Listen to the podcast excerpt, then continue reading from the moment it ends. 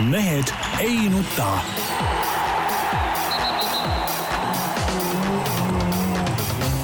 mehed ei nuta. selle eest, et mehed ei nutaks, kannab hoolt Unibet, mängijatelt mängijatele. tere teisipäeva, Mehed ei nuta eetris nagu tavaliselt, nagu ma saan aru, viimast korda selles suurepärases stuudios, kuhu neid plakateid ei toodudki ja seda seksikaks ei tehtudki, nagu lubati. aga see selleks, Tarmo Paju Delfist, selle stuudio omanik. jaa, tervist. aga olen kaotamas seda omandust no, remondi tõttu. nii, Peep Pahv Eesti Päevalehest ja Delfist. Jaan, ja Jaan Martinson Eesti Päeva, Päevalehest, Delfist ja igalt poolt mujalt ja kahetsusväärselt siin äh, stuudios, kuigi äh, oleks parema meelega olnud Pariisis vaadanuks äh, Prantsuse lahtist äh,. kas ikka ei saanud äh, puhkusest veel küllalt või? ei saanud jah. puhad näoga, et ega. no mees on ikka väga rõõsa. Te kuidagi väga lasite tal ikkagi väga vaba kulgemises ei no, ma, no sellest mees hakkab nüüd kohe nagu kütma. aga sellega või see oligi puhkus või? ametlikult? see oligi puhkus teil jah ja. Äh, poliitikast on teil midagi rääkida, on siin mingeid skandaale vahepeal siin Eestis toimunud või midagi ägedat või? Õnneks mitte ausalt öeldes, kõik on üks tavaline visin, käib mingi möll, no näiteks tselluloositehase ümber, noh, mille planeeringutki ei julge enam ükski poliitik nii-öelda nagu algatada, enne kui rahvas on vastu, noh, aga sellegipoolest nagu möllu jätkub nagu lehekülgede kaupa. Siis nagu ma kuulsin, et üks poliitik oli teatanud, et, et tumeda nahavärviga inimeste pea ei ole mitte täispuidust, vaid tühjast puidust. see oli jälle ma... ei, vot siin ma pean nüüd sekkuma, tähendab, mina pühapäeval tulin äh, Tartust kergejõustikuvõistluselt, kuulasin äh, raadiosaadet ja seal ikkagi tuli välja, et see ütleme, meedias avaldatu ei vastanud päris tõele, ta rääkis täpselt ära, mis, keda, kelle pead olid tühjad, ta pidas selles silmas neid eh, tühja pilguga eh, välistudengeid, kes tema loengutes istusid. tumedanahalisi siiski. Eh, tumedanahalisi araablased, ei muidugi noh, aga see on ju, me kõik teame, et tumedanahalised ongi sellised ju noh, mis see, mis see nimelik on siis? no tuli ära. no mis tuli ära, no mis sa lootsid midagi muud ei lootnud, ei lootnud. selles suhtes, et ega, ega ükski mingi noh tulevad siia nii-öelda õppimise sildi all, noh, ega, ega need ei ole tõsiseltvõetavad ju noh. ja, ja, ja kui õppejõud nii ütles, et tema arust need olid sellised, siis mina küll usun seda, noh, miks, miks ma ei peaks uskuma. sa arvad, et midagi no, valesti ütles? ma võin Jaan muidugi nii palju parandada, et see muidugi täispuit ei ole kindlasti siin, mida te kopsite. see on mingi suvaline saepuruplaat ju noh. see on, see on täis, täispuidust väga kaugel. aga kusjuures muidugi Prantsusmaal öö, olles ikka noh ma loodan, et, et meil niisugust tulevikku ikkagi ei tule, nagu on Prantsusmaal, ütleme niimoodi. et Prantsusmaal enam polegi eriti? no põhimõtteliselt ühtegi teenindajat, prantslast ma ei näinud, tõesti ma ei näinud ei taksojuhte, ei poemüüjaid, ei, ei hotellis mitte kedagi, tõesti, no mitte ainsatki. selles suhtes ma nagu püsti seistes aplodeerisin täna hommikul, avasin meie lehe. meil oli väga huvitav Päevalehes lugu Ungarist kus äh, esiteks kõik see noh, tara, mis on ehitatud, et ei saaks need igast tüübid sisse tulla, väga tore. ja nüüd ütleme, tahetakse ära keelata ka nende, kes kuidagi on sisse imbunud, nende abistamine, väga õige, ütleme, ütleme muul Euroopal on, kellelt ja mida nagu eeskujuks võtta nõustud Tarmo? aga üldjoontes tahaks ausalt öeldes spordist, tegelikult ma tahaks spordist rääkida, mul on täiesti, mul on täiesti, mul on täiesti kopp ees nendest teemadest, täiesti kopp ees, lähme tennise juurde, ma tahan küsida, Jaan, miks sa, miks sa, miks sa siin oled, ma tahan küsida seda. ei, aga miks olema... sa, miks sa, miks sa minult küsid? sa pidid Pariisis olema. ja miks sa minult küsid seda, sellepärast et mina sõltun aga sina tead, konkreetselt sina, see vahega, sina tulid sealt, sa oled asjatundja nii-öelda ja sina peaksid teadma, miks sa siin oled. no ma, eks ma olen siin sellepärast, et äh, Anett Kontaveit. ja ei, sellest ma saan selle esimese vastuse oskan ma ise ka anda. väga laialt äh, nii-öelda neljandas ringis ja, ja, ja sai ikkagi täieliku ketuka, aga no põhimõtteliselt ta ei olnud ühelgi hetkelgi mängus sees, et no ju tal oli, tähendab, vaimne konditsioon säärane, et, et ta ei olnudki valmis või, võitluseks. samas jälle päev varem äh, Kvitovat võita, seal ta võitis just muide, pange tähele, mitte niivõrd hea mänguga. Kvitova tegi väga palju öö, lihtvigu ja, ja Anett ei mänginud kindlasti oma kõige paremat tennist, aga ta võitis just vaimuga, ta suutis endal nii-öelda otsustavatel hetkedel vähem eksida. Kvitova mängust oli see, et ainuke asi, mis ma nägin, oligi see, kui panin tähega käima just oli viimane punkt ära olnud, noh, mina sul läks, Peep, selles mõttes, Nat, mul läks ikka kõvasti paremini, ma sõitsin Pärnusse samal ajal. see ülekanne käis, aga noh, vaadata ei saanud sõidu ajal. et ma siis kuulasin lihtsalt, eks, ja jõudsin äh, Pärnus sihtkohta niimoodi, et auto jäi seisma äh, sel hetkel, kui äh, matšpall oli, et ma selle nägin ära ikkagi. Ja aga, aga, aga tegelikult just see, kui me vaatame jällegi ve- veel kord seda Kvitva mängu, mis oli eriti kõva, oli ju see ikkagi, et et esimeses setis servis ju Kontaveit mat-, matši võidule. tegi kaks topeltviga, kaotas oma pallingu game'i, asi läks kiiresse lõppmängu. seti võidul. jah, seti võidule, aga, aga sellele vaatamata ikkagi ta, ta, ta nagu noh, võitles lõpuni välja, ta ei lasknud en- ennast mõjutada sellest. täpselt sama on ka matšis, tähendab, tal oli ju kaks matšpalli, kaotas selle oma pallingu game'i, siis kaotas veel ühe pallingu game'i, jälle kiiresse lõppmängu läks asi ja, ja nagu ta ise siis ütles, et loomulikult eh, peas kummitasid need eh, käest läinud eh, võimalused aga, aga ütles, et ta suutis äh, selle pettumuse nagu kuhugi siia aju tagumisse poolde suruda, et äh, ta ütles, et ei saa, pead tühjaks selle pealt ei saa, sa ka- kahelt matšpallilt lähed mängima, eks. no see on, see on minu arust see muster, mida ta näitas ka eelmistel turniiridel, nendel liivaturniiridel, kus tal üldjoontes läks ikkagi väga hästi nendesamade tippude vastu, et need, need matšid ei tulnud alati esimese matšpalli pealt talle ära. aga küsimus on nüüd, noh, nüüd on kaks küsimust, kas see, mis juhtus Sloane Stevensi vastu, oli kuidagi mingisugune järelm nendele uudistele, mis puudutavad treeneri vahetust no ilmselt küll, ilmselt see on ilmselge ja, ja minu arust siin nagu mingit Kontaveidi mängust rääkida ei ole meil üldse nagu mingit põhjust, et siin on nagu üks teema on olnud püsti praegu. Ei, miks me- me- ei no mis, keda see mäng praegu enam huvitab, Jaan? ei no Stevensi Praegu- mängu ei ole küll mõtet analüüsida Ei, Stevensi ei, mängu no see kindlasti Fit mitte. ammugi ei huvita kedagi.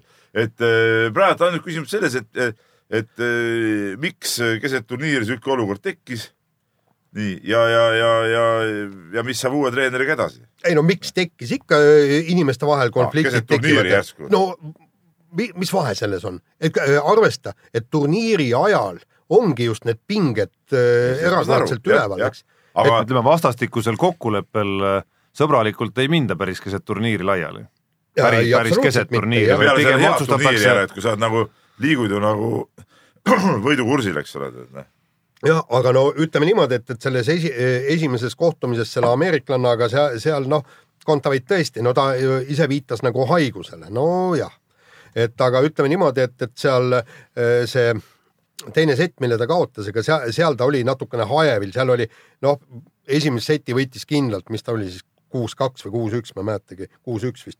et, et ju ta mõtles, et võit on rahulikult käes, ta tegi seal paar täielikku ämbrit, üks oli see, et, et vaatas lihtsalt, kuidas see kõrge pall kukub väljaku piirde sisse ja ei läinud seda julgestama, tavaliselt ikkagi minnakse julgestama ja jaa, need olid ebaolulised asjad, see ei. ei huvita kedagi. Oota, oota, räägi oota, mulle oota, nüüd, oota, räägi oota. mulle nüüd sellest Oota., räägi mulle nüüd sellest, kes siis seal nüüd Kontaveidi ümber tiirlevad, see, kas pall kukkus sisse või välja see mind üldse ei huvita. oota, stopp, ma tahtsingi, Ah. tahtsingi sealt edasi rääkida. pärast seda mängu oli treener ikkagi pettunud ja ta öö, andis mulle teada, et öö, jah, et, et see oli kehv mäng. et öö, Anett oleks pidanud võitma selle mängu kuus-üks, kuus-kaks ja ütleski, et meil on teatud öö, mured, mis tuleb lahendada no tol hetkel ma ei, noh, ei jaganud ära, ma mõtlesin, et võib-olla on kas tervisemured või mingi, noh, nagu ta ütles, some issues. nii, mis, mis tuleb lahendada ja vot nüüd need mured olidki ilmselt need, mis öö, lõpuks öö, selle duo lah, lahku viis. aga, aga kes seal olid, seal ei olnud praegusel hetkel ei olnud tal kedagi, ei olnud ei poissõpra ega mitte, mitte kedagi kaasas, oli see tüüpiline tenniseseltskond, kes seal on, eks, tenniseliidu peasekretär, president, tema oli tal vaatamas, siis, siis veel paar, paar-kolm öö, inimest, eks siis. aga võib-olla see tüüpiline seltskond on hoopis see, kes seal liiga palju tiirutab ja segab. jälle kuulasin, kuulsin ühest noh, nii-öelda allikalt, kes on tenniseluga väga hästi kursis, ütleb niimoodi, et, et ei, et ähm, Kontaveit ei lase ennast mõjutada ja, ja te, ühe kiitusena toodigi välja see, et ta on juba ammusest ajast peale suutnud ennast eh, emast nii-öelda lahti rebida, ema on ju tennisetreener kõik, eks. et ta on juba ammu selgeks teinud, et, et mina olen mina ja, ja tennises tehakse nii, nagu mina, mina tahan, eks et, et ma, ma ei usu, et see seltskond oleks nagu väga, aga ära, et siis ta ikkagi nii kõva see Kontaveid ei ole, et, et eh, keegi ikkagi on suutnud teda ju nagu häirida nagu treeneri no hinnangul. see, see on ju nagu üks, sa lähtud sellest, et see on nagu, sa lähtud nagu treeneri nägemusest praegu, et Kontaveit kindlasti tegi midagi valesti no noh, tundub küll. võib-olla oli miski selles treeneri juures, mis lõpuks Kontaveidile nagu aja jooksul enam ei sobinud, et me ei tea ju seda, kõik on me ei spekulatsioon teagi, praegu sest äh, ütleme, üks nüanss selle kogu loo juures, mis tundub nagu ebatõenäoline, et, et äh, mindi lahku ja siis leiti nüüd loetud päevadega uus treener, ma ei tahaks seda kuidagimoodi uskuda ausalt No. öeldes, et kolme päevaga äh, ametlikult Oi. jõuti kokkuleppele treeneriga, kellega esimene kontaktivõtt oligi alles pärast seda, kui Šaap lahkus, ma ei tahaks seda uskuda. Tarmo, Tarmo, ma, ma olen üsna veendunud, ma olen üsna veendunud, et äh, hetkel, kui Saap lahkus, see info jõudis nii-öelda tennisringkondadeni ja ma arvan, et äh, Anett Kontaveidi telefon oli pärast seda ja ma ei, selles ma ka ei kahtle üldse, aga miks on vaja kolme päevaga juba käed lüüa, ma arvan, et sellega ei, antud hetkel kiiret ei olnud ju mitte kuskile sellega, järgmine, järgmise turniirini on aega veel, no mis seal on, üksteist juba hakkab, üksteist hakkab juba järgmine turniir, ehk siis äh, mõne päeva pärast noh, ma otsisin näiteks välja ühe vana loo sellest ajast, kui äh, äh, Anett Kontaveit rääkis sellest äh, ajast, kui Glen Sharpi palgati ja rääkis pigem just sellest, kui detailselt ja põhjalikult see protsess nende jaoks nagu toimus. et noh, see üldiselt ei käi ikkagi niimoodi, et sa nagu korra räägid ja siis noh, ongi kõik, et jaa, aga ebatõenäoline on ka see, et juba hakati susistama juba enne Prantsusmaa lahtisi ja siis nagu selle mõttega, et keset turniiri siis vahetame ära treeneri. ei, seda mitte, noh, seda kindlasti mitte. kui, kui spekuleerida, siis variante on, et kuidagimoodi sai ka Sharp teada, et midagi nagu, midagi on käsil, eks ole, või omakorda see, et midagi juba otsiti varem, muutis süütenöörid võib-olla lühemaks seal näiteks Kontaveidi poole peal, aga noh, see kõik on üks suur see spekulatsioon on puhtalt spekulatsioonid, aga vaata nüüd selle treeneri, treeneri palkamise juures, kui äh, Anett Kontaveit äh, hakkas koostööd Šaabiga tegema, see, see on hoopis, ta oli hoopis teine mängija, hoopis teine Anett, kui ta on äh, praegu sellepärast, et see, siis ta ei olnud praktiliselt mitte keegi, ta pidi tõesti väga hoolikalt endale treenerit valima, kes suudaks ta vi- viia maailma tippu. nüüd ta on maailma tipus. nii, ja ta on juba välja kujunenud mängija.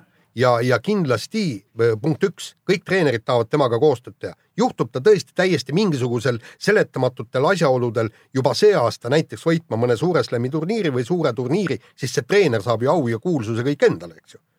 Nii, palju lihtsam on ju öö, tuge, tugevat mängijat treen-, treenima hakata, kuigi, kuigi ma arvan, et, et see aasta Anett veel nii tugev ei ole, no võiks me ei tea, mida see treeneri vahetus ja ütleme, see kogu see asi tegelikult Just. ta mängu teeb, pigem eh, ma praegu oleksin nagu ettevaatlik ja, ja skeptilisem, ütleme järgmiste turniiride suhtes. öö, samas jälle noh, päris nagu... tihti, päris tihti me näeme hoopis ka vaata pallimängudes,, pallimängud on teine asi natuke, tennis on nagu midagi muud ja, ja see, seal on see psühholoogia, see asi on, on nii, nii kõvasti sees. see võib töötada mõlemat pidi, ma arvan. jaa, aga pigem ma olen nagu praegu ikkagi ettevaatlik ja skeptiline. ja, ja, ja kus, kusjuures, kui ma hakkasin seda, kui ma vaatasin ja jälgisin seda mängu, ma noh, mul oli plaanis kir kirjutada kommentaar, mis, mille ma ilmselt siis kirjutan võib-olla pärast Wimbledoni, sest praegu ei ole ta lihtsalt asjakohane.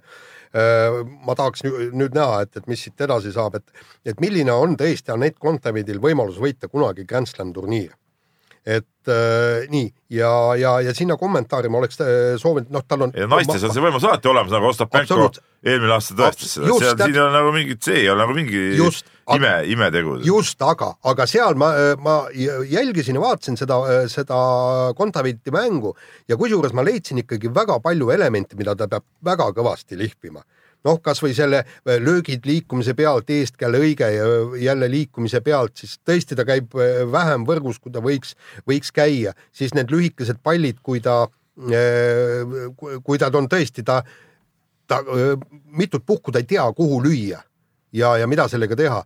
kuigi Kvitova vastu ta lõ- lõpuks leidis lahenduse, mida vähemalt mulle kunagi treenerid õpetasid, kui sa ei oska kuhugi lüüa võrgus olles, siis löö kehasse ja löö nii tugevalt mängijale, et see on nagu kindel punkt, eks. kui sa ei tea paremal-vasakul, ei tea, kuidas mängija reageerib, eks. et, et seal, kui ma hakkasin neid detaile vaatama, kus ta peaks tegelikult paremaks noh, muutuma see, see oli üks detail või nagu üks detail, mida tema uus treener siis nendes lühikestes lausetes, mida temalt eile lugeda võis ju rõhutas. ehk siis nii-öelda konkreetse vastasega taktika paikapanek. just. ja, ja, ja neid detaile on tal ää- ääretult palju. ja, ja ma ei oska nüüd öelda, kas Glen Sharp ei pööranud neile piisavalt tähelepanu, neil ei olnud aega selleks nad lihvisid hoopis teisi elemente või, või mis seal on, et, et aga selge, et, et uus treener peab teatud, teatud tenniselemendid äh, Anett Kontaveidini viima. me ju ei tea seda, kui palju nad eh, konkreetse vastase taktika vastu valmistusid, selle kohta meil ju praegu ju info puudub, võib-olla nad eh, tegid seda väga, väga hästi siiamaani lihtsalt ei suutnud võib-olla teostada või, ei või no, ei no, olnud, no mis mõttes ei suutnud, noh. ei no tihtilugu ei no suutnud ta ole., mis sa, mis sa mõtlesid, et on maailma esinumber? Ei, ei, ma ei ole midagi mõelnud, tema noh. tase ongi seal kahekümne sees. ma ei ole midagi mõelnud, aga sina, sa oled ka ise see, kes ootab kogu aeg nagu veel rohkem ja veel rohkem, et mis me siin ühest võidust ikka hüppame. noh. vastupidi, ma olen- olengi praegu, ma ei ole väga optimistlik nagu tuleviku suhtes, lähituleviku suhtes. ei ole põhjust nagu. No ma ei näe ka põhjust, miks väga nagu pessimistlik ei no tegelikult isegi, isegi kui äh, treeneri vahetus poleks olnud ja oleks turniir praegu samas faasis ära lõppenud, siis on ikka sama koht, ikka tuleb sein ühes samas kohas ette kogu aeg. no jaa, aga saad aru. nii nagu, nii nagu Kaia Kanepil muide- tuli mm. alati sein ühes kohas ette, kõik. oli nii äge turniir kui tahes, lõpuks ikka ühes kohas sein ette. Jaa, aga selle- mitte kunagi mitte midagi ei, saavuta. selle vahega, et kui ta suudaks seda seina hoida nüüd nagu nüüd aasta läbi näiteks selle koha peal, kus ta nüüd viimasel kuul on näiteks olnud, tähendaks see juba esimest kvalitatiivset hüpet siiski. Versus see, et sa suudad seda aastas teha võib-olla nagu ma ei tea, ütleme pooltel turniiridel. Peep, hakkame võtma, poolteist aastat tagasi, eelmise aasta alguses oli tema edetabeli koht umbes saja kahekümnes, ehk siis ta oli sellel tasemel äh, nagu need mängijad, kaks esimest mängijat, keda ta loputas siin Prantsuse lahtistele pidigi nagu pidigi jah. see on pooleteist aastaga niisugune areng, pooleteist aastaga. noh, siukseid arenguid tehakse, on varemgi tehtud. no nii, ja aga nüüd siit otse järgmisele tasemele aga nüüd on vä väikeste sammude haaval jah., nüüd ongi väikeste sammude haaval, täna on ta tasemel, kus ta öö, tõesti neid sajandaid loputab, eks. tegelikult, tegelikult võtame asja kokku nii, nii kui Jaan kirjutas äh, selle kommentaari, kuidas äh, Kontaveit on nüüd vist esikümne tasemel tennist mängib Jah., nii sinna see kõik lõppes, no nagu alati. Ei no aga ta kui ongi- kui Jaan suudab äh, vaimustuda, mis, mis ongi, mis ta jäi kuueteist hulka, ta ei olnud esikümnes. ei, kuueteist hulka, see tähendab see, et, et jagab üheksandat kohta, üheksas on esikümne ei sees. vasta edetabelile pannakse neid ja ma Ei ei, muidugi ei tea, ei noh, alati on pandud. ma ei tea, me oleme mehe suust muidugi, kes, kelle rekord Ott Tänaku juures tuleb meil saate lõpus veel jutuks. Ei, no lihtsalt, ütleme, ma siin personaalküsimuse osas oleksin pigem ettevaatlik aga mina ei hakkagi hõiskama, ma ei kirjuta kommentaari, et, et Ott Tänak täna võidab rallit. Aga Jaan hakkab alati hõiskama nagu mingit, mingit umbluud aga. vähemalt, vähemalt Ott Tänak saab hakkama tema kohal olles aga Kontaveit ei saanud. ja tema vaimustuse juures, Jaani vaimustuse juures. ja kusjuures ma, ma veel kord ütlen, et see, see ei olnud mänguline kaotus, see või kaotuse põhjused olid muud, aga selge see, et, et ega äh, Stevensit ei oleks olnud lihtne võita, nii et no see selleks. aga noh, üks, üks võlg kindlasti tennisega seoses on meil veel, Jürgen Soppi tahaks kiita. kindlasti, vend, vend ikka mängis äh, täiesti kaks fantastilist äh, viieseltilist mängu, kusjuures esimese mängu maailma neljateistkümnenda reketi vastu ja seda oli hästi lahe vaadata. see oli väga lahe mäng, tõesti. jah, ja kui ta, kui ta suutis oma pea kü- külmana hoida, see ameeriklane Jack Sock, kus ta kogu aeg virises ja vingus ja käis ja hädaldas ja ta, ta oligi täpselt nagu Zopp ise ütles, et mul on tunne, mul oli täitsa tunne, et ta tuleb ühel hetkel ja ütleb mulle ka midagi sitasti. eks, aga, aga no kogu, kogu mehe olekust õhkus välja ikkagi sellist, et, et no kuule, et noh, mina olen ju, mina olen ju see mees ja siis no et ega, ega see ju nii lõpuni ei lähe, eks. et selline muie oli mehel nagu näol iga Jürgen Sopi õnnestunud löögi peale, et noh, näe, kobistas jälle midagi seal, eks. ja, ja nagu selles mõttes oleks juba nagu noh, isegi kui Jürgen Sopp ei oleks eestlane, isegi siis seda mängu nagu neutraalsena vaadates, ma arvan, tekib see tunne, et kuule, et see, see ülbik peab nagu saama oma karistuse kätte ikkagi ja on tore, kolmandas ringis eh, polnud mitte midagi sellest heast sopist alles. jaa, aga kui sa oled ikkagi maailma noh, ütleme, me räägime siis ütleme sellest tasemest, mida nüüd Anett Kontaveit siis, mille, mis on tema karjääris nii-öelda läbitud etapp loodetavasti igaveseks, keda ta nüüd noh, tõesti mööda minnes eh, loputas kahes esimeses ringis. sellise tennisisti jaoks ma arvan, et see on suur võit, Peep ikkagi. seda küll, aga kolmandas eh, ringis ma ütlen ikkagi veel, et et eh, kuidagi nagu, nagu liiga järsk oli see kukkumine, seal nagu üldse nagu mängu, mänguks ei läinudki. no ilmselt seal oli punkt üks oli keha väsinud, noh nagu ta ütles pärast esimest mängu oli, oli keha nii valus, et, et ütles segas täitsa ma, magamist, eks. ja, ja te, teine asi oli see, et, et sa oled nagu oma juba kätte saanud, eks. et äh, nälg, et sul ei ole seda, seda niisugust nälga nagu ja, ja, ja vastas on sul noor sakslane, tead noh, jah, nii ta, nii ta paraku on, aga, aga Zopi puhul on hästi sümpaatne see, et, et ta äh, ei loo endale illusioone, eks ta on ju kolmkümmend aastat vana ja kõik ja ta ütles, et noh, et ta on ju kaks aastat läks ju vigastuste tõttu täiesti, täiesti käest ära, aga ta ütles ka, et, et mis mul siin kahetseda, et, et, et, et ma olen, ma elatan ennast tennisega ära ma olen väga rahul sellega, et, et saan aeg-ajalt äh, s- äh, Grand Slam turniiridel mängida, ma olen valmis kva- kvalifikatsioonist läbi minema, äh, m- mängin väiksematel turniiridel, jõuan poolfinaali, mõne võidan, et mul ei ole illusioone, kiiremaks ma ei muutu ja tugevamaks ma lööma, tugevamini ma lööma ei hakka, et kui ma suudaks stabiilselt mängida nii, nagu ma mängisin esimeses kahes mängus, noh, ma oleks täiesti rahul. Just. ei, selles suhtes, ega, ega, ega ma ei üldse taht- Soppi kritiseerida, see ongi see, et et ta mängiski nagu hästi ja, ja seda oli vägev vaadata, lihtsalt kahju, et see kolmas lihtsalt läks nagu minu arust nagu natuke kergelt. nii, aga lähme siis kiire vahemängu juurde ja jätkame tennisega. me ei ole Kaia Kanepist rääkinud. Kaia Kanepi kaotas äh, esimeses ringis äh, äh, noorele venelannale, Kassatkinale oli, oli vist, no eelmisel nädalal me rääkisime sellest pikalt jah, jah, või rääkisime juba jah? absoluutselt, sa ise olid ka toru otsas. õige jah, nii, aga tähtis on see, et, et nagu Tenniseliidust selgus. ma andsin sulle ka otse saates töökäsu seda teemat äh, lahata. ja, ja õige, just nüüd tuleb meelde jah. nii ja, ja Peep, see läheb, asi läheb kahtlaseks. vanaks hakkan jääma. nii, aga Tenniseliit ütles jah, et, et öeldi, et, et meil on kõik äh, kirjad e, e-kirjad on kõik alles, kus, kus nemad tegid Kaia Kanepile pakkumise, et, et äh, nad saavad toetada läbi Tallingi teda viiekümne tuhande euroga. vastu tuli siis kiri, et äh, tema treeneri aastane töötasu on sada nelikümmend tuhat eurot. nelikümmend maksab ta ise ja tahaks Tenniseliidult sada tuhat saada selle peale öeldi, et jah, et, et see käib üle meie võimaluste, et äh, aga, sinna, sinna need läbirääkimised äh, sumbusidki ja nagu siis äh, Tennisliidu peasekretär ütles, et ega meil väga suhteid praegu ei ole Kaia Kanepiga no äh, see on muidugi alaliidu poolt väga piinlik väljend, et suhteid ei ole, ütleme sportlasega, kes on, kes on tassinud nii Fed Cupi naiskonda läbi aastate hiilgavate võitudega ja ja, ja olnud pikki aastaid esinumber ja, ja nagu Eesti tennise äh, sünonüüm, eks ole, oma nimega, et selles suhtes äh, alaliidu poolt selline väljend, et äh, suhteid ei ole, on nagu piinlik ja idiootne täiesti. Ei no mis mõttes, oota no- no..., ole sina nüüd tasa, ma räägin lõpuni oma juttu, et see on, see on nagu, see on nende tegemata töö, kui nad ei suuda sportlasega normaalselt suhelda. nii, teine asi on see, et, et mis oli nagu valesti, valesti oli see, et, et mina sain küll niimoodi aru, et Kaia Kanep ei küsinud sada tuhat eurot mitte see Fed Cupi naiskoolis mängimise eest, vaid see oli terve hooaja peale küsis toetust sada tuhat eurot. no, No eks nad on seotud omavahel. Need on natuke seotud, seotud, aga see ei olnud mitte nii, et, et ma mängin eh, Fed Cupil, ma tahan selle mängu eest saada sada tuhat, see ei olnud nagu niimoodi mõeldud ju. aga see serveeriti alguses nagu niimoodi tegelikult. et see on nagu, et, et, et selles suhtes on, on, on ikkagi asi nagu vale. jah, kuigi need asjad on seoses omavahel., seoses, aga, aga seda Tenniseliidu tegevjuhtkond ka oma saamatuses serveeris valesti tegelikult seda välja. et eh, nad ei suuda nagu raha leida, mis on nende ainuke ülesanne, mitte sõita mööda Prantsusmaa lahtise tribüüni peal jää koha peal seal plaksutada ja vaadata hurraa eh, karjuda, vaid nende asi on siin kurat tööd teha, tööd teha ja veel kord tööd teha, raha leida. see on nende ülesanne. mind võib-olla häirib isegi kõige rohkem selle juures, et noh, sada tuhat ongi päris suur summa muidugi, olgem ausad.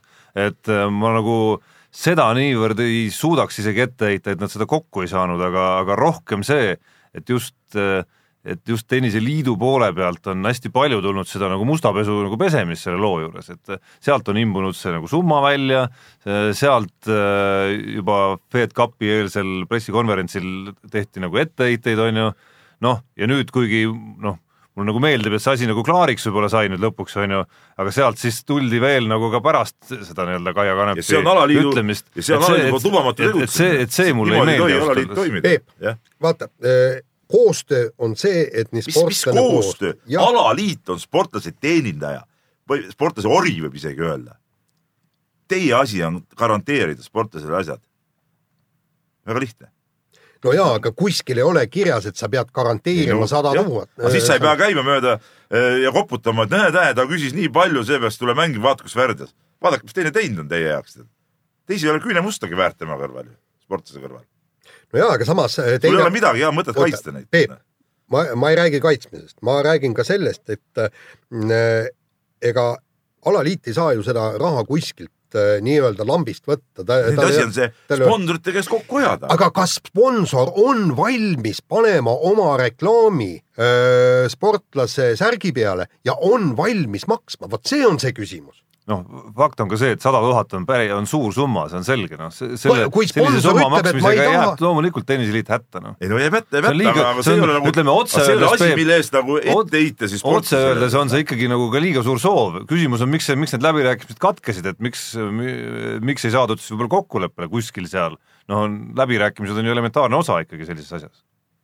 et kas nii oligi, et üks küsis äh, sada, teine pakkus viiskümmend ja siis sellega nagu jutt lõppes ära no lugu? põhimõtteliselt noh, tundub, et nii, nii jaa, need asjad ongi peab. visa, ütleme, kui Kanepi viskab alaliidu uksest välja, peab alaliidu inimene aknast sisse tagasi ronima ja tulema uue pakkumisega, uue variandiga. mitte käima ja nutma, et vaata, mis ta tegi. noh, saad aru sellest? ei saan, saan jah, aga, aga ma ütlen, et, et see, see on sama asi, see on sama asi nagu asi., nagu need vehklemisliidus ei tehta tööd alaliidus, eks ole. sama asi on nüüd seal tenniseliidus, ei tehta õiget tööd järelikult, noh. jah, ja nende asi, ma räägin veel kord, ei ole käia mööda Prantsusmaa lahtisi tribüüni peal plaksutamas, vaid siin kontoris töötada, töötada, töötada. no samas, samas ma ei oska ka öelda, et, et, et kui palju nad seal on, noh, seal on ju ka kontakte vaja no luua. okay,, see on ju selge, et, et no selge, kui said sealt mingi raha, väga tore, makske siis ära ja järgmine kord äh, noh, Kanepi mängib võib-olla Ke- kergejõustiku inimesed on ka ju kõik kergejõustiku EM-idel ja MM-idel käivad ka öö, seal ja nad on ka tribüünide peal. ei käi no, alati, mis peaks no käima? alati, noh, käivad presidendid ja no presidendid, president No- no,, loomulikult, see on teine teema. no peasekretärid käivad ka ikkagi, noh. no e- ega No käimise fakti pole ka mõtet, mõtet nüüd ette heita, et Jah. käimine ei sega absoluutselt nagu põhitööd siiski ka kuskilt otsast, kui tahta seda teha hästi. aga paraku ei ole hästi tehtud. nii, aga vahetame teemat ja läheme nüüd päris mitmeks punktiks äh, välismaa teemade juurde. Zinedine Zidane viis Madridi Reali taas kord meistrite liiga võitjaks, viis päeva läks mööda ja mees astus ametist tagasi. No nagu kirjutati, siis tema äh, tagandamine on, on ka varem olnud päevakorras juba, eks ole, kuna, kuna Hispaania meistrivõistlustel ei ole nii hästi läinud ja, ja, ja, ja eks see ongi, see ongi see põhjus tegelikult. no seal oli vist põhjusi rohkem, ma sain aru, et ka nagu Zidane'i enda poolt ikkagi olukorras, kus justkui ei, ei tahetud nagu teda võib-olla piisavalt kuulata mingite otsuste juures.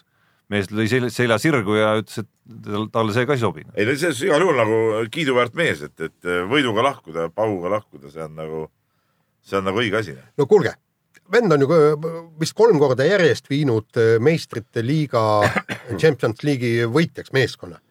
no näidake mulle teist samasugust treenerit, kes on äh, seda suutnud. ei ole ju. et, et siin on täpselt nii, nagu sa ütled, et, et äh, tuleb Kaia Kanepi ees kummardada ja, ja teda üle kullata, täpselt sama on Zidane'iga ka. oleks pidanud ütlema, mis mõttes sa lähed ära. nii, aga vaata, vahe on ainult selles, tenniseliit on riiklik organisatsioon tegelikult, ta on riigi esindusorgan-, selle ala, aga klubi on era, eravärk. Ei, seda küll, aga mees on sedavõrd väärt. ma olen nõus, muidugi, muidugi oleks pidanud, loomulikult oleks pidanud. et selles ongi see vahe, nii, aga jalgpalliga läheme edasi ja nüüd äh, huvitaval kombel siis äh, eile ilmus meediasse äh, uudis sellest, kuidas Loris Kaarjuse nii-öelda meistrite liiga finaali äparduste põhjuseks oli peapõrutus. Mille- mille, põhjustas siis mille põhjustas üllatus-üllatus Sergei Ramos Ramos,, kes siis kõigepealt, kes siis kõigepealt võttis mängust välja Mo Salah, eks ole, ja siis natuke aega läks mööda ja põrutas veel Kaarjuse pea ära. ja Raamatus mehed on head mehed, nad suudavad ikkagi nagu, see on keskkaitse. ma ei tea, kas te nägite seda uudist, kus äh, rahvusvaheline judoliit oli veel äh, ka postitanud väikese säutsu selle Salahi olukorra suhtes, olnud kus, kus siis äh, oli pandud pilt sellest ja juurde lause, et judos selline käelukk ei ole lubatud mis käelukk, see oli tegelikult, see, see oli jumala normaalne mänguline olukord, seal ei ole nagu midagi rääkida., küll aga nii nagu me sinuga Tarmoga enne saadet rääkisime, kummaline, kuidas Kaarjus siis eh, nüüd mingi nädal või mis pea kaks, kaks nädalat hiljem eh, läks järsku eh, USA-sse arstide juurde tuvastama enda peapõrutust. no USA-s uuris doktor Ross Safonte ikkagi selle asja välja, noh. Bostonis. Ross, doktor Ross on muidugi kõva, kõva mees, aga, aga see kõlab ikkagi natuke nagu kahtlaselt. kuulge, ma, ma olen ammu, ammusest ajast ja me oleme, me oleme teinud ka ju mingisuguseid lugusid, ma ammusest ajast tahaks teada nendest, sellest nii-öelda äh, sokkerimängijatelt, jalgpallimängijatelt, kuidas saab olla niimoodi, et, et mängija pärast peapõrutust lubatakse mängu tagasi ja sest ei no seal ei, seda ei tuvastatud sel hetkel. noh.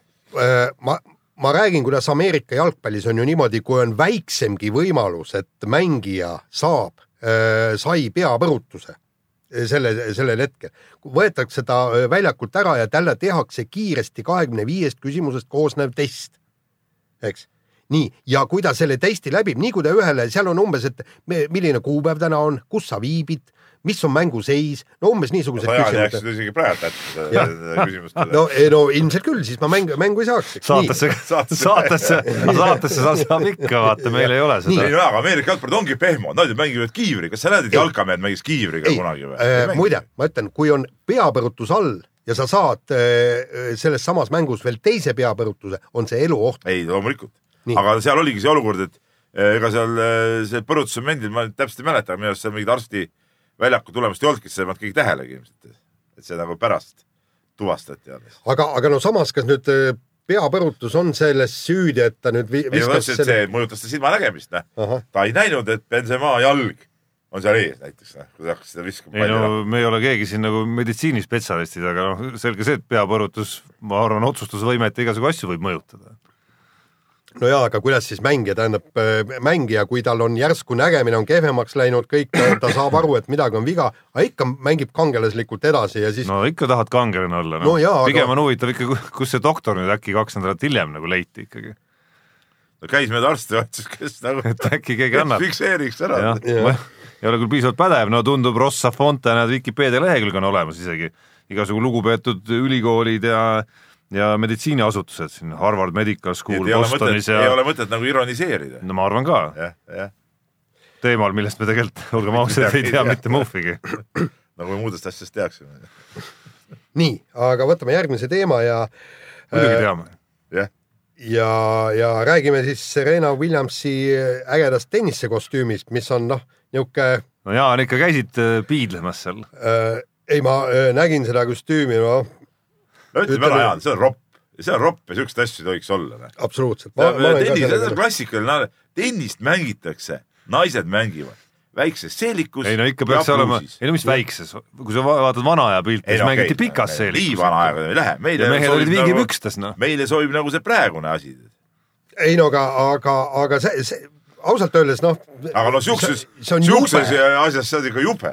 absoluutselt, ja, ja eriti jube on see korpulentsema naisterahva seljas. Vot, tahtsingi öelda. see nagu ei sobi nagu üldse. Et miks- miks see, miks see nüüd, see on nagu mingisugune rassismi liik Ei, mis rassismi liik? ei, ei, ma ei mõtle See nagu ei ole, ma ei mõtle nahavärvi Ei, mõttes, vaid. Ei, mis no-, miks, miks äh, korpulentsemad ei või siis? sest et ei või, vaat. Ei Võib-olla mõnele meeldib, noh. liibuvad riided sobivad ikkagi ütleme siukse trimmi, ütleme nagu see, mis ta trimmis, on ka nagu valesti, ta on ka trimmis, ma ei ütle, et ta, ega ta ei ole nagu paks, aga ta on ju suur, no talle ei sobi ongi kõik ja ma ütlen, et ei sobi, siis ei sobi ja nii ongi. ei, ma olen, ma olen täitsa Peebu, Peebuga ühel nõul, et see, no see, kindlasti leiab ka mehi, Peep, kes ei nõustu selle, selle hinnanguga. aga need on mingid rumalad mehed seal. aa, okei. sellepärast, et nii ei ole sünnis. mind huvitab pigem, mind huvitab pigem, no ja tennise etiketiga kuidagi läheb see muidugi vastuolu, ma saan aru, tennises on ka see etikett, et äh, pikas dressis sa nagu ei tohiks mängida. see nagu ei tohib küll mängida, kui on äh, jahe ilm ei. no seal ei olnud jahe ilm, eks jah, et äh, ma arvan, ma saan aru, et etiketi vastu läks nagu kõige rohkem see, aga huvitav on see, et et mis ta Wimbledonis siis välja mõtleb, seal, kui ta sellega seal välja tuleks, siis muide, ma muide saadetakse ta koju lihtsalt. jah, aga, aga, aga see ikkagi vaadata neid kehavorme nagu kaks tanki akut taga tead, et see on ikka päris kohutav. nii, aga üsna kohutav oli ka see, mis äh, leidis aset äh, korvpalliliigas NBA esimese finaalmängu on lõpuhetkedel. naljakas. see oli naljakas jah, mitte ainult äh, nende meeste jaoks, kes kandsid Cleveland Cavaliersi särki ja ja olid selle meeskonna treeneri pingil või selle võistkonna fännid, ehk siis nomaalaja lõpp Cleveland ühega taga, kaks vaba viset, esimene sisse, viis sekundit ümmarguselt jäi seal, teine mööda, Clevelandi mees võttis ründelaost palli ja selle asemel, et äh, otsida siis võimalust, kuidas korvi panna ja mäng ära võita normaalaja lõpus milleks tal tegelikult seal kohe korvi all oleks niisugune hea kiire võimalus ka olnud, ma isegi, isegi arvan, vähemalt vigaselt kätte saada, siis selle asemel G.R. Smith ilmselgelt äh, mõtles, et nad tegelikult juhivad ja põrgatas korvi alt välja keskjoone juurde ja ja siis ühel hetkel äh, sai aru, et ups, nüüd läks vähe pahasti, lõpuks kaotasid selle mängu. lõpuks kaotasid lisaajal suurelt. Et no ütleme nii, et mängus lihtsalt on siuke asi, et võib juhe kokku joosta, noh. ütleme mul poiste korvpallis, kui poisid olid väiksemad, juhtuks seda, et visati vahest pall oma korvi, noh. no ikka juhtub. ja, ja Peep, siin ei ole seda. siin ei ole seda, ei. vaata, korvpall on liiga eh, intelligentne mäng, seal nagu ei saa, sellised päris tubiinad ei saa nagu seda mängida. no ütleme äh, erinevalt sinust, Peep, ma ei ole rassist, mis nahavärvi puudutab, aga G.R. Smith nüüd kõige kõrgema IQ-ga mängumees ei ole läbi aegade sellist muljet ta jätnud, kui, kui ma päris ausalt ütlen, NBA-d jälginud, et noh, see, mida ta rääkinud on oma elus ja noh, noh üsna segane tüüp ausalt öeldes. mitte, et see oli selle põhjus, selles mõttes segased tüübid võivad väljakul olla kõige intelligentsemad üldse no. nojah, nii on, nii juhtus ja tore, tore, tore vahejuhtum finaalis, nii. Aga nüüd läheme kirjade rubriigi juurde ja kirju on pagana palju ja kell on juba pa- pagana palju. men.delfi.ee tuletame meelde aga aadressit., aga ma korraks pean siin Kontaveidi teema juurde tagasi tulema ja seoses Martini kirjaga ja Martini küsimus on muidugi eh, õigustatud.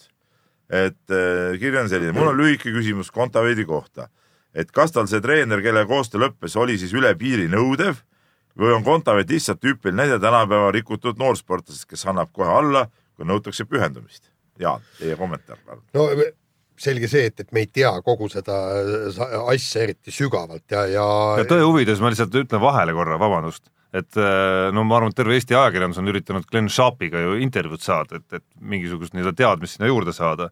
Jaan, ma saan aru, et ta isegi vahetu kontakti juures ei, kui ta veel oli seal, ei tahtnud oma telefoninumbrit tegelikult jagada. ei, ei andnud jah, ja tähendab ja et väga ebatõenäoline, et ta midagi ütleb kunagi selle kohta. ja, ja, ja kusjuures mul oli järgmine päev pärast esimest mängu, noh, rääkisime paar sõna ja siis ma äh, küsisin, et, et kuidas teil on järgmine päev, et kas te kuskil teete trenni, et ma tahaks sinuga pikemalt rääkida.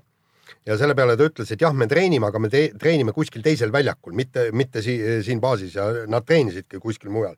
ja ma küsisin, et mis kell, ma, ma ei tea, eks, et äh, ütleb, et mis, mis kell, ma ütlesin, et noh, et kuidas me kokku saame, ütles, et noh, et ma pärast trenni, mis toimub tont teab kus ja tont teab millal, tulen siia ja olen kuskil staadionil, aga noh, võite ise arvata, et, et sealt nüüd üles leida ja, ja siis selle peale ütles, et noh, et võib-olla kohtume, et, et siis võib-olla räägime, aga äh, kahjuks rohkem ei kohtunud ka.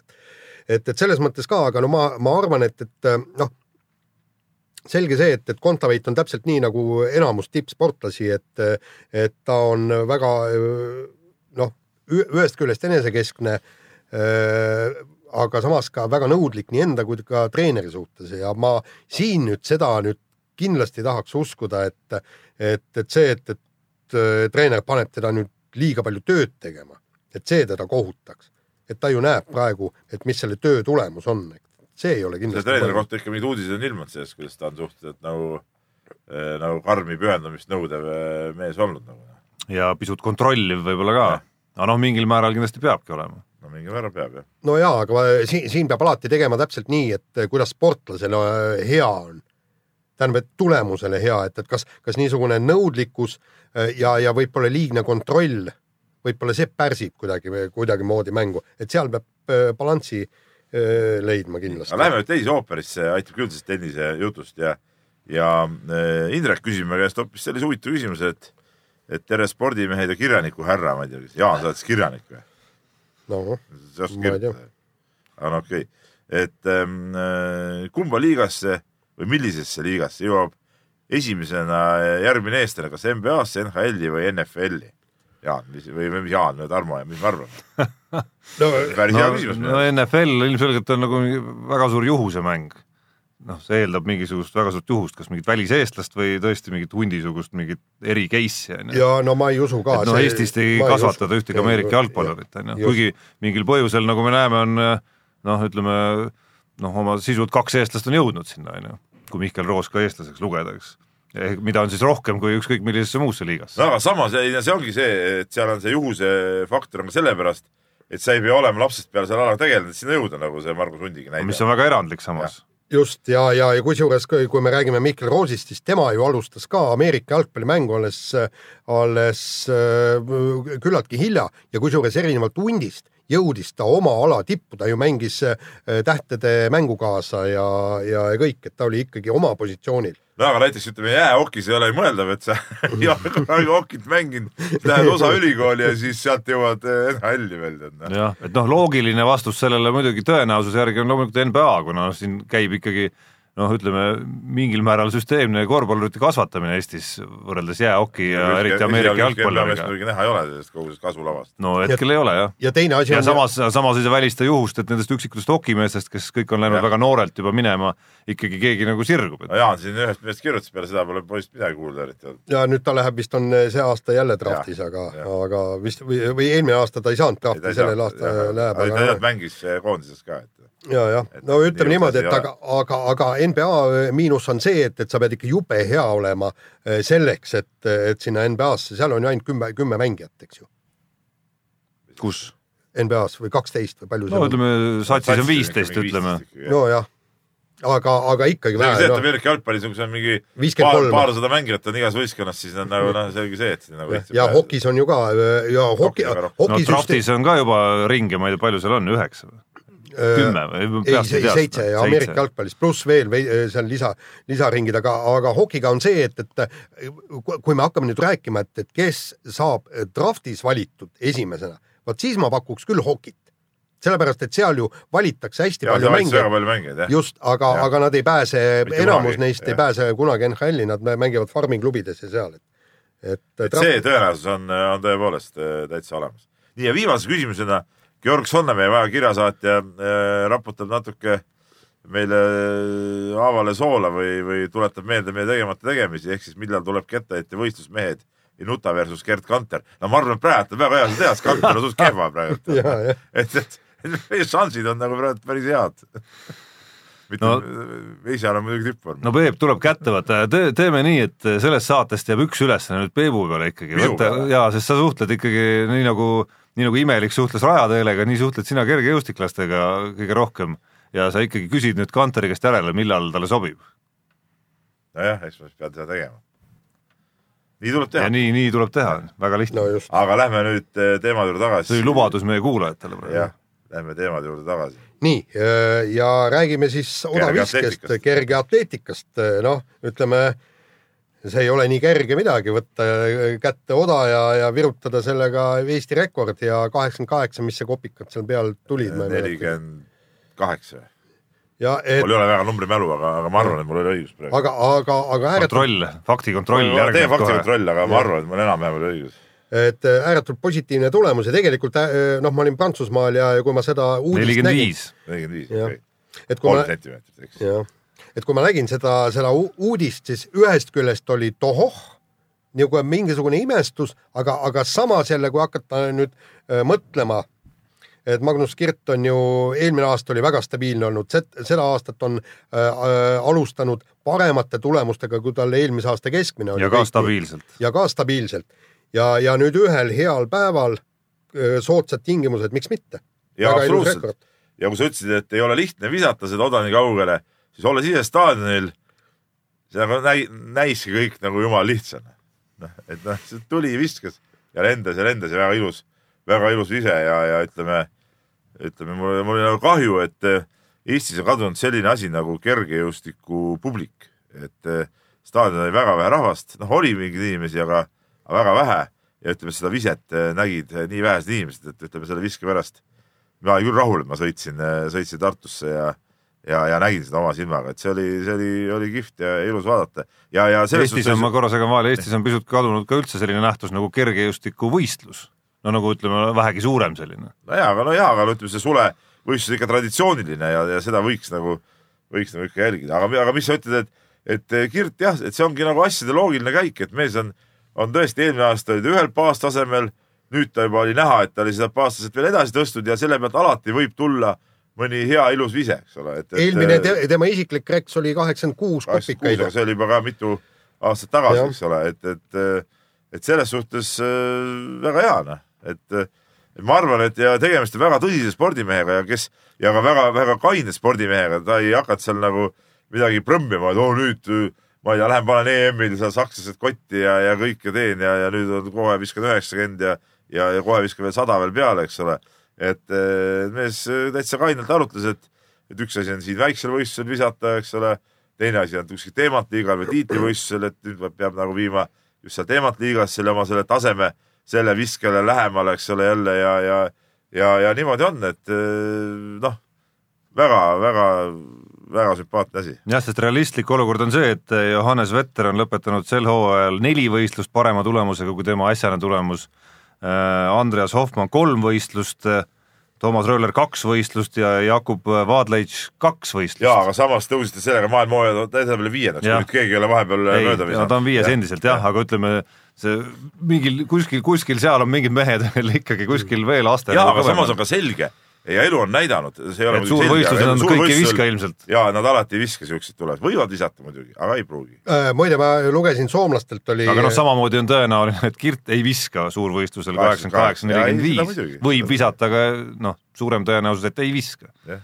Et äh, lu- lugesin Soomest, soomlased olid äh, kõik selle äh, Kirdi rekordit äh, avaldasid äh, online'is ja tegid ka veidi pikemaid artikleid mõned, sellepärast et äh, no põhisõnum oli see, et, et pani kõikidele soomlastele ära no ta täna viskab ju Soomes.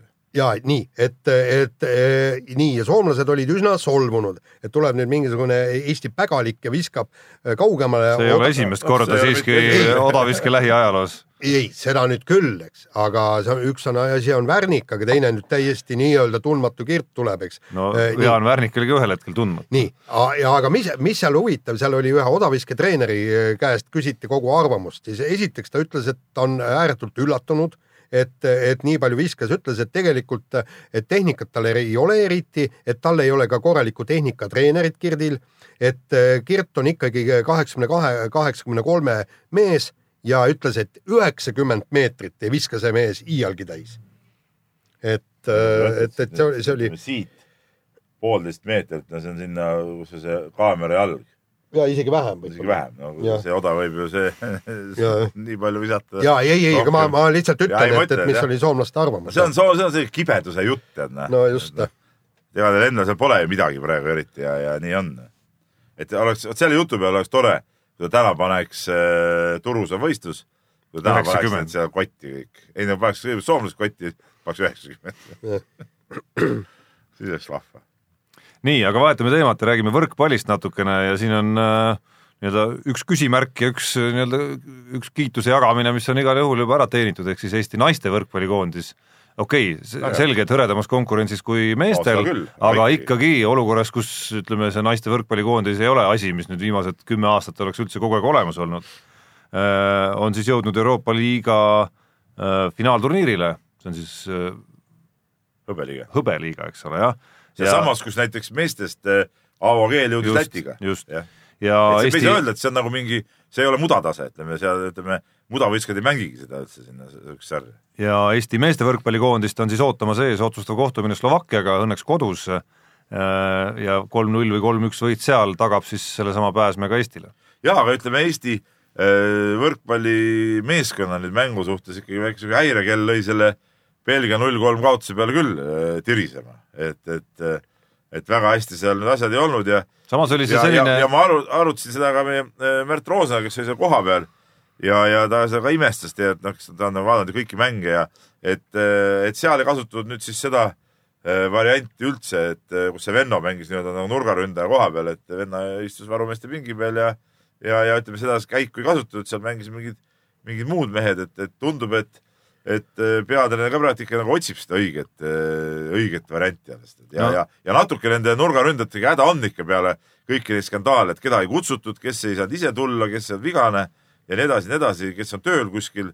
et, et, et väiksed probleemid nagu ikkagi selle satsi juures on praegu. no ja need probleemid peaks võimenduma siis, kui mängud lähevad nagu päris päris tõsiseks ikkagi peaksid need hakkama nagu võimenduma, eriti veel. aga noh, mis puudutab seda Belgia kaotust, siis natuke tundus see ka loogiline tulemus olukorras, kus meil on nagu tagataskus veel see, et sa saad kodus Slovakkiaga mängida ja, ja piisab seal nagu asjade ärahoidmisest ja sa oled ikkagi esimene. ainuke asi, mis Et selle võõrsil- Slovakkiaga mängu juures eh, annab see kindlustunde, on see, et Slovakkia mängib noorte, noore, noore koondisega seekord, mitte põhikoondisega. No just, ja me mängime kodus. põhi, põhikoondisega me küll ei saaks öelda, oh me Slovakkiat võidame. no just, aga sul, sul on niisugune asi tagataskus, et see on spordis ikkagi väga tavaline, et sellises olukorras võidab meeskond, kellel seda võitu on kordades rohkem vaja. nojah, aga, aga aga ütleme just see mängupilt ja, ja need teatud äh, nüansid nagu seal seejuures ei, ei ole. ei no see nurga teema hakkab, ma olen üsna kindel, et hakkab närima, ma olen täiesti kindel selles. nii on paraku.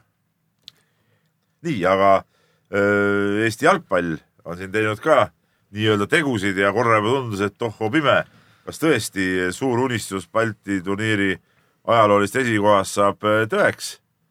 aga siis saadi Leedu käest, ei vabandust, Läti, Läti käest. no korraks pärast võitu tundus, tundus mitte ainult, et ei saa tõeks seesama unistus Balti turniiri esikohast, vaid, vaid et midagi ikka oluliselt suuremat on võitmisel. jah, et, et kohe nüüd nagu hakkabki tulema no, ja, ja peaaegu oleme nagu tšempion, no peaaegu nagu, nagu maailmameistriks tuleksime, et saame järgmise mängu saamegi siis valitsuse maailmameistriga panna seal omavahel. Vot see ongi- nagu võitja ongi- lauas. vot see võitja lauas jah, vot see ongi see jalgpalli juures nagu kõige hullem nagu, et seal nagu see asjad puhutakse alati nii, nii kuramuse suureks nagu mingi tühja koha pealt, noh. et, et, et see on nagu jama ja teiseks noh, ma ei tea, oota, millal see Läti ja Leedu omavahel mäng pidi olema? täna vist, täna vist, täna vist jah. et teoreetiliselt on ju võimalik, et me ikkagi võidame selle karika. et siis saame ikkagi, et siis saame ikkagi MM-i aga mis see on siis, kas kogu koondis saab siis täna sinna nagu kohale seda karikat vastu võtma? ei, see vist antakse kätte enne jä- järgmist äh, seda sõprusmängu või midagi niisugust, ma kuskilt kuulsin, aga, aga mis ma nüüd selle kohta ütlen, et äh, ma, järgmist sõpr-, sõprusmängu. tuled Ja- äh, see, näiteks Brasiilia võidab jalka MM-i ära ja siis. no mismoodi sa mõtled, et seda peaks tegema, et ajame tõesti Eesti koondise kohale või? No see turniir on ju mõttetu. ei no Aivar Poolaku võime kohale ajada sinna. kas vanasti ei olnud turniiri nii, et mindi, kõik olid koos ühes kohas nagu jaa, absoluutselt ja, aga seal oli, nagu lasteturniiril ikkagi mängivad ühe päeva jooksul kolm ei, mängu ära ei, ei pea kolm mängu ei, mängima. ei seal nad mängisid üle päeva, tähendab ühesõnaga kaks satsi mäng, mängisid üle päeva ja siis see korraldaja sats mängis e esimesel ja viimasel päeval, eks. nii, et tema sai nagu ühe puhkepäeva vahele, aga teine asi on ikkagi see, et, et noh, ja ma, ma ei saa ikkagi sellest aru, kas see, kas see Balti turniir on tähtis turniir või ei ole tähtis tu turniir, et ajakirjanikud on selle tähtsaks teinud, et me ei ole seda üheksakümmend või kaheksakümmend aastat või sada aastat ei ole võitnud, et et, ega see kaheksakümne aasta jutt tuli ka, ma arvan, natukene sealt nagu jalka end-, jalkaliidu enda poolt ka mingil määral ikkagi, et noh, nemad üritavad ka leida neid motiive, millega see asi kuidagi nagu suureks teha, ajakirjandus muidugi haaras sellest nagu kinni nagu hirmsasti, Mihkel nagu ütleme. no ütleme, seal on neid osavaid mehi veel, kes on käinud suurtel koolitustel ja teavad väga hästi, jalgpalliliit selles mõttes müts maha on teinud seda nagu jalgpalli huvides väga hästi loomulikult, läbi aastate juba, varsti juba aastakümnete. aga nii palju, kui ma öö, siin artiklitest lugesin, oli see ikkagi kõik põhimehed kaasa ei teinud ja see oli ka rohkem nagu kontroll mängu No eest. absoluutselt. ametlikel mängupäeval. no nii peabki olema, no nii muud, muud moodi see ei saagi olla Jaa, tegelikult, kui need ei ole mängupäevad.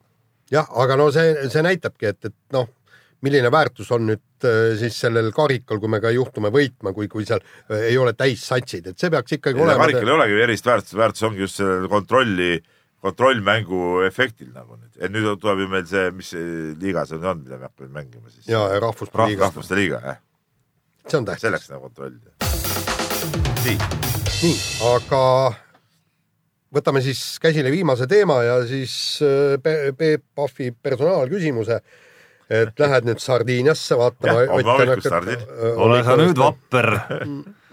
jah, et äh, no näed siis poodiumi koha ära või? tegelikult mis poodiumi kohta, Otil on võitu vaja, kui ta tahab maailmameistritiitli pärast võidelda ja muu ei ole üldse oluline tal, mingite kui hõbedate, Ott hästi sõidab, siis ma näen. aga sinust ei sõltu midagi või? ei, aga miks siiamaani on sõltunud? ei ole. et tähendab, Ott on sinu juuresolekul halvasti sõitnud. ta lihtsalt on, no ja nii on läinud lihtsalt jah. mina ei näe siin, mina nagu enda peale siin küll mingit süüd ei võta, tähendab. miks ma peaksin? jah, aga noh, kui nüüd äh, asjast rääkida, siis äh, ega siin midagi pole öelda, kui äh, Ott Tänak on eelmise aasta Sardiinia ralli võitja, auto on kiire, kõik on vä väga täpselt teada, noh, ühesõnaga kindla peale läheb ta seda rallit võitma, iseasi kõige rohkem, mida ma pelgan, on see, et, et kuskil punnib natukene üle. no ta on ise ka öelnud, et see on üks võtmeralli, eks ole, et, et eh, siin peab äh,, tuleb nagu võit ära võtta ja, ja, ja ütleme edasise heitluse suhtes on siin hea tulemus väga oluline. see võib olla, selles suhtes Jaan on õigus, see võib olla natuke ohukoht. Just see teadmine, et, et peab, et nüüd on, olukord on tabelis selline, et nüüd nagu peab midagi tegema ja, ja see võib, võib olla see, kus võivad need eksimused tulla. teisalt jälle ma ütlen veel kord, et ta on näidanud, et ta sel hooajal ja ka eelmisel hooajal, et ta suudab ikkagi neid vigu vältida. tegelikult ja, ja tõesti sõita superkiirusega ilma eksimata, et ma arvan küll, et tal on äh, kõik võimalused võita, aga ta on üks äh, suur soosikuid seal rallil. no see, seal on ilmselt, ilmselt ikka asi pannakse paika reedel ja võib-olla laupäeva paari esimese katsega, ma loodan, et noh, nagu ikka, Ott teeb väikse, väikse, tähendab piisavalt suure edu sisse, nagu ta tegi Argentiinas on ju, ja siis saab asju rahulikumalt võtta, et Äh, jah, ega siis äh, selles suhtes äh, tal äh, reedel, ütleme, kui me vaatame, kes seal veel võiks siuksed väga kiired mehed olla, kes äh, ütleme, tema enda tiimikaaslased näiteks, kellel on natuke parem äh, stardikoht, eks ole. et äh, ega tal väga lihtne ei ole seda edu kohe sisse tõmmata reedel. samas tal jälle põhikonkurentidest taga nagu sõidab, noh, mingi väikse eelise ikka saab. et äh, jah, loomulikult see oleks nagu kindla peale sõit oleks see, kui saaks kohe nagu selle vahe sisse ja siis nii-öelda saaks nagu hoida, nii nagu noh, Ožeeri sihuke põhitaktika eluaeg olnud. huvitav, kas mõni ralli tuleb ka niimoodi, et, et tõesti ääretult soodne meile, et eh, noh, ütleme just, et näiteks Ott võidab ja siis eh, meil nagu tiimikaaslased, eks Latvala ja Lappi ja veel keegi kuidagi niimoodi aitaks, poeks sinna ka veel vahele ja siis tuleks, tuleks need eh, Ogier ja Neville kuskil taga, tagapool, et, et ta saaks seda vahet ikkagi korralikult eh, vähendada. no Jaan, nagu sa aru saad, kui nüüd nii mõelda, siis kõige soodsam loomulikult on äh, nii nagu läks Terrine Villil eelmisel rallil, ehk siis äh, tema võttis täispunktid ja, ja siis kaks põhikonkurenti ei saanud mitte midagi. no ütleme nii, niisugust asja, noh, see, see on vä väike võimalus, eks. et noh, mul, minul on üldse tunne, et minu arust peaks seda tabelit nagu võimalikult vähe hetkel vaatama, et see tabel on täpselt sellise seisuga, kus äh, ühe ralliga ei siin mitte midagi tasa, isegi kahe ralliga tõenäoliselt mitte, kui just mingisugust nagu suurt katastroofi konkurentidel ei toimu, et laseks paar-kolm rallit ära sõita, vaataks, kas kas nagu noh, on veel mingit ei no varianti ja siis Tarmo ise ka aru, sa ei saa ju sõita niimoodi, et sa ei vaata tabelit. Ei no- loomulikult sa vaatad seda no tegelikult sa pead, no loomulikult ta teebki seda, et ta peab sõitma ainult niimoodi, et ta tahab seal ralli võita ja kogu lugu noh. ei rohkem, aga Pole mõtet väga nagu lasta nagu mõelda sellele, et huvitav, palju sealt Novil sealt nüüd saab ja nii edasi noh. Et noh, Tänak on tegelikult, Tänak Tänakuks, Tänak on enda jaoks eh, suhteliselt tavalises seisus, nii nagu eelmine aastaga oli, noh, ütleme, et ta ei ole liider, noh, tal on, ta on nagu liider tagapool, samas on ta nagu kiire kõik. tegelikult selle ralli jaoks minu jaoks kõige huvitavam on ikkagi see, kuidas sõidab äh, Neuvill, arvestades, et ta on nüüd liider ja kuidas sõidab Ožeer, arvestades, et ta peab nüüd äh, nagu tagant ründama. ja kui peale eelmist rallit sai ka räägitud, eks ole, et mehed on enda jaoks natuke äh, harjumatutes äh, positsioonides, vot, vot see on nüüd nagu huvitav, et mismoodi nad äh, nüüd äh, saavad hakkama siukses oludes. ja kusjuures Neville läheb teepuhastajana teele Teele, ja seal seal ei ole väga lihtne see ei sõita. ole väga lihtne koht ja ja see, see, see on asi, mida ta ei ole pidanud eriti tegema. ja mitte eriti vist pole kunagi Pole kunagi teinud, jah, teinud. tookord, kui nad olid eelmine aasta viigis korra, siis läks ikkagi Ožeer Ožeer esimene, jah. et, et äh, kindlasti siin on omad, omad nüansid, kuidas see esimese päevaga hakkama saab. just, aga rõõmusõnum oli ka meil, eks ole, et, absoluutselt. et Ott Tänak ja Mart Järvela tulevad Rally Estoniale ja see annab ikkagi Rally Estoniale ikkagi õige maigu, et, et oleks olnud ikkagi nagu poolik üritus, kui, mehed poleksid sõitnud, eks ole. tuleb ikka korraldajate ees, ma arvan, müts päris kõvasti maha võtta, et äh, mul on jäänud kõrvalt mulje, et see ikkagi nagu väga lihtne ei olnud tänaks siia saada. no ja Toyota, Toyota Toyota saada nõusse ja kõik need asjad kuidagi korraldatud, et see, see ei olnud väga lihtne, et ja seda enam see, mida ikkagi siin Urmo Aavad ja Tarmo Hõbed ja ja mehed on suutnud nagu läbi aegade tõestanud ennast nagu korraldajatena, et see on nagu järjekordne minu arust samm, kus nad taas kord on tõestanud ennast. jah, just, nii on.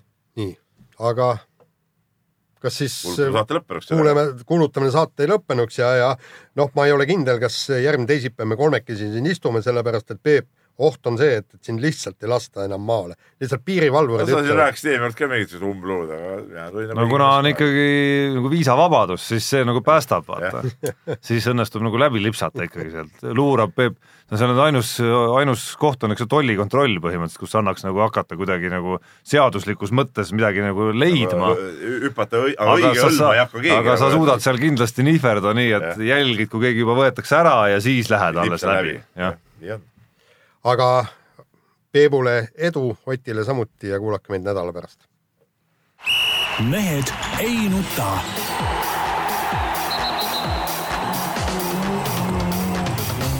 mehed ei nuta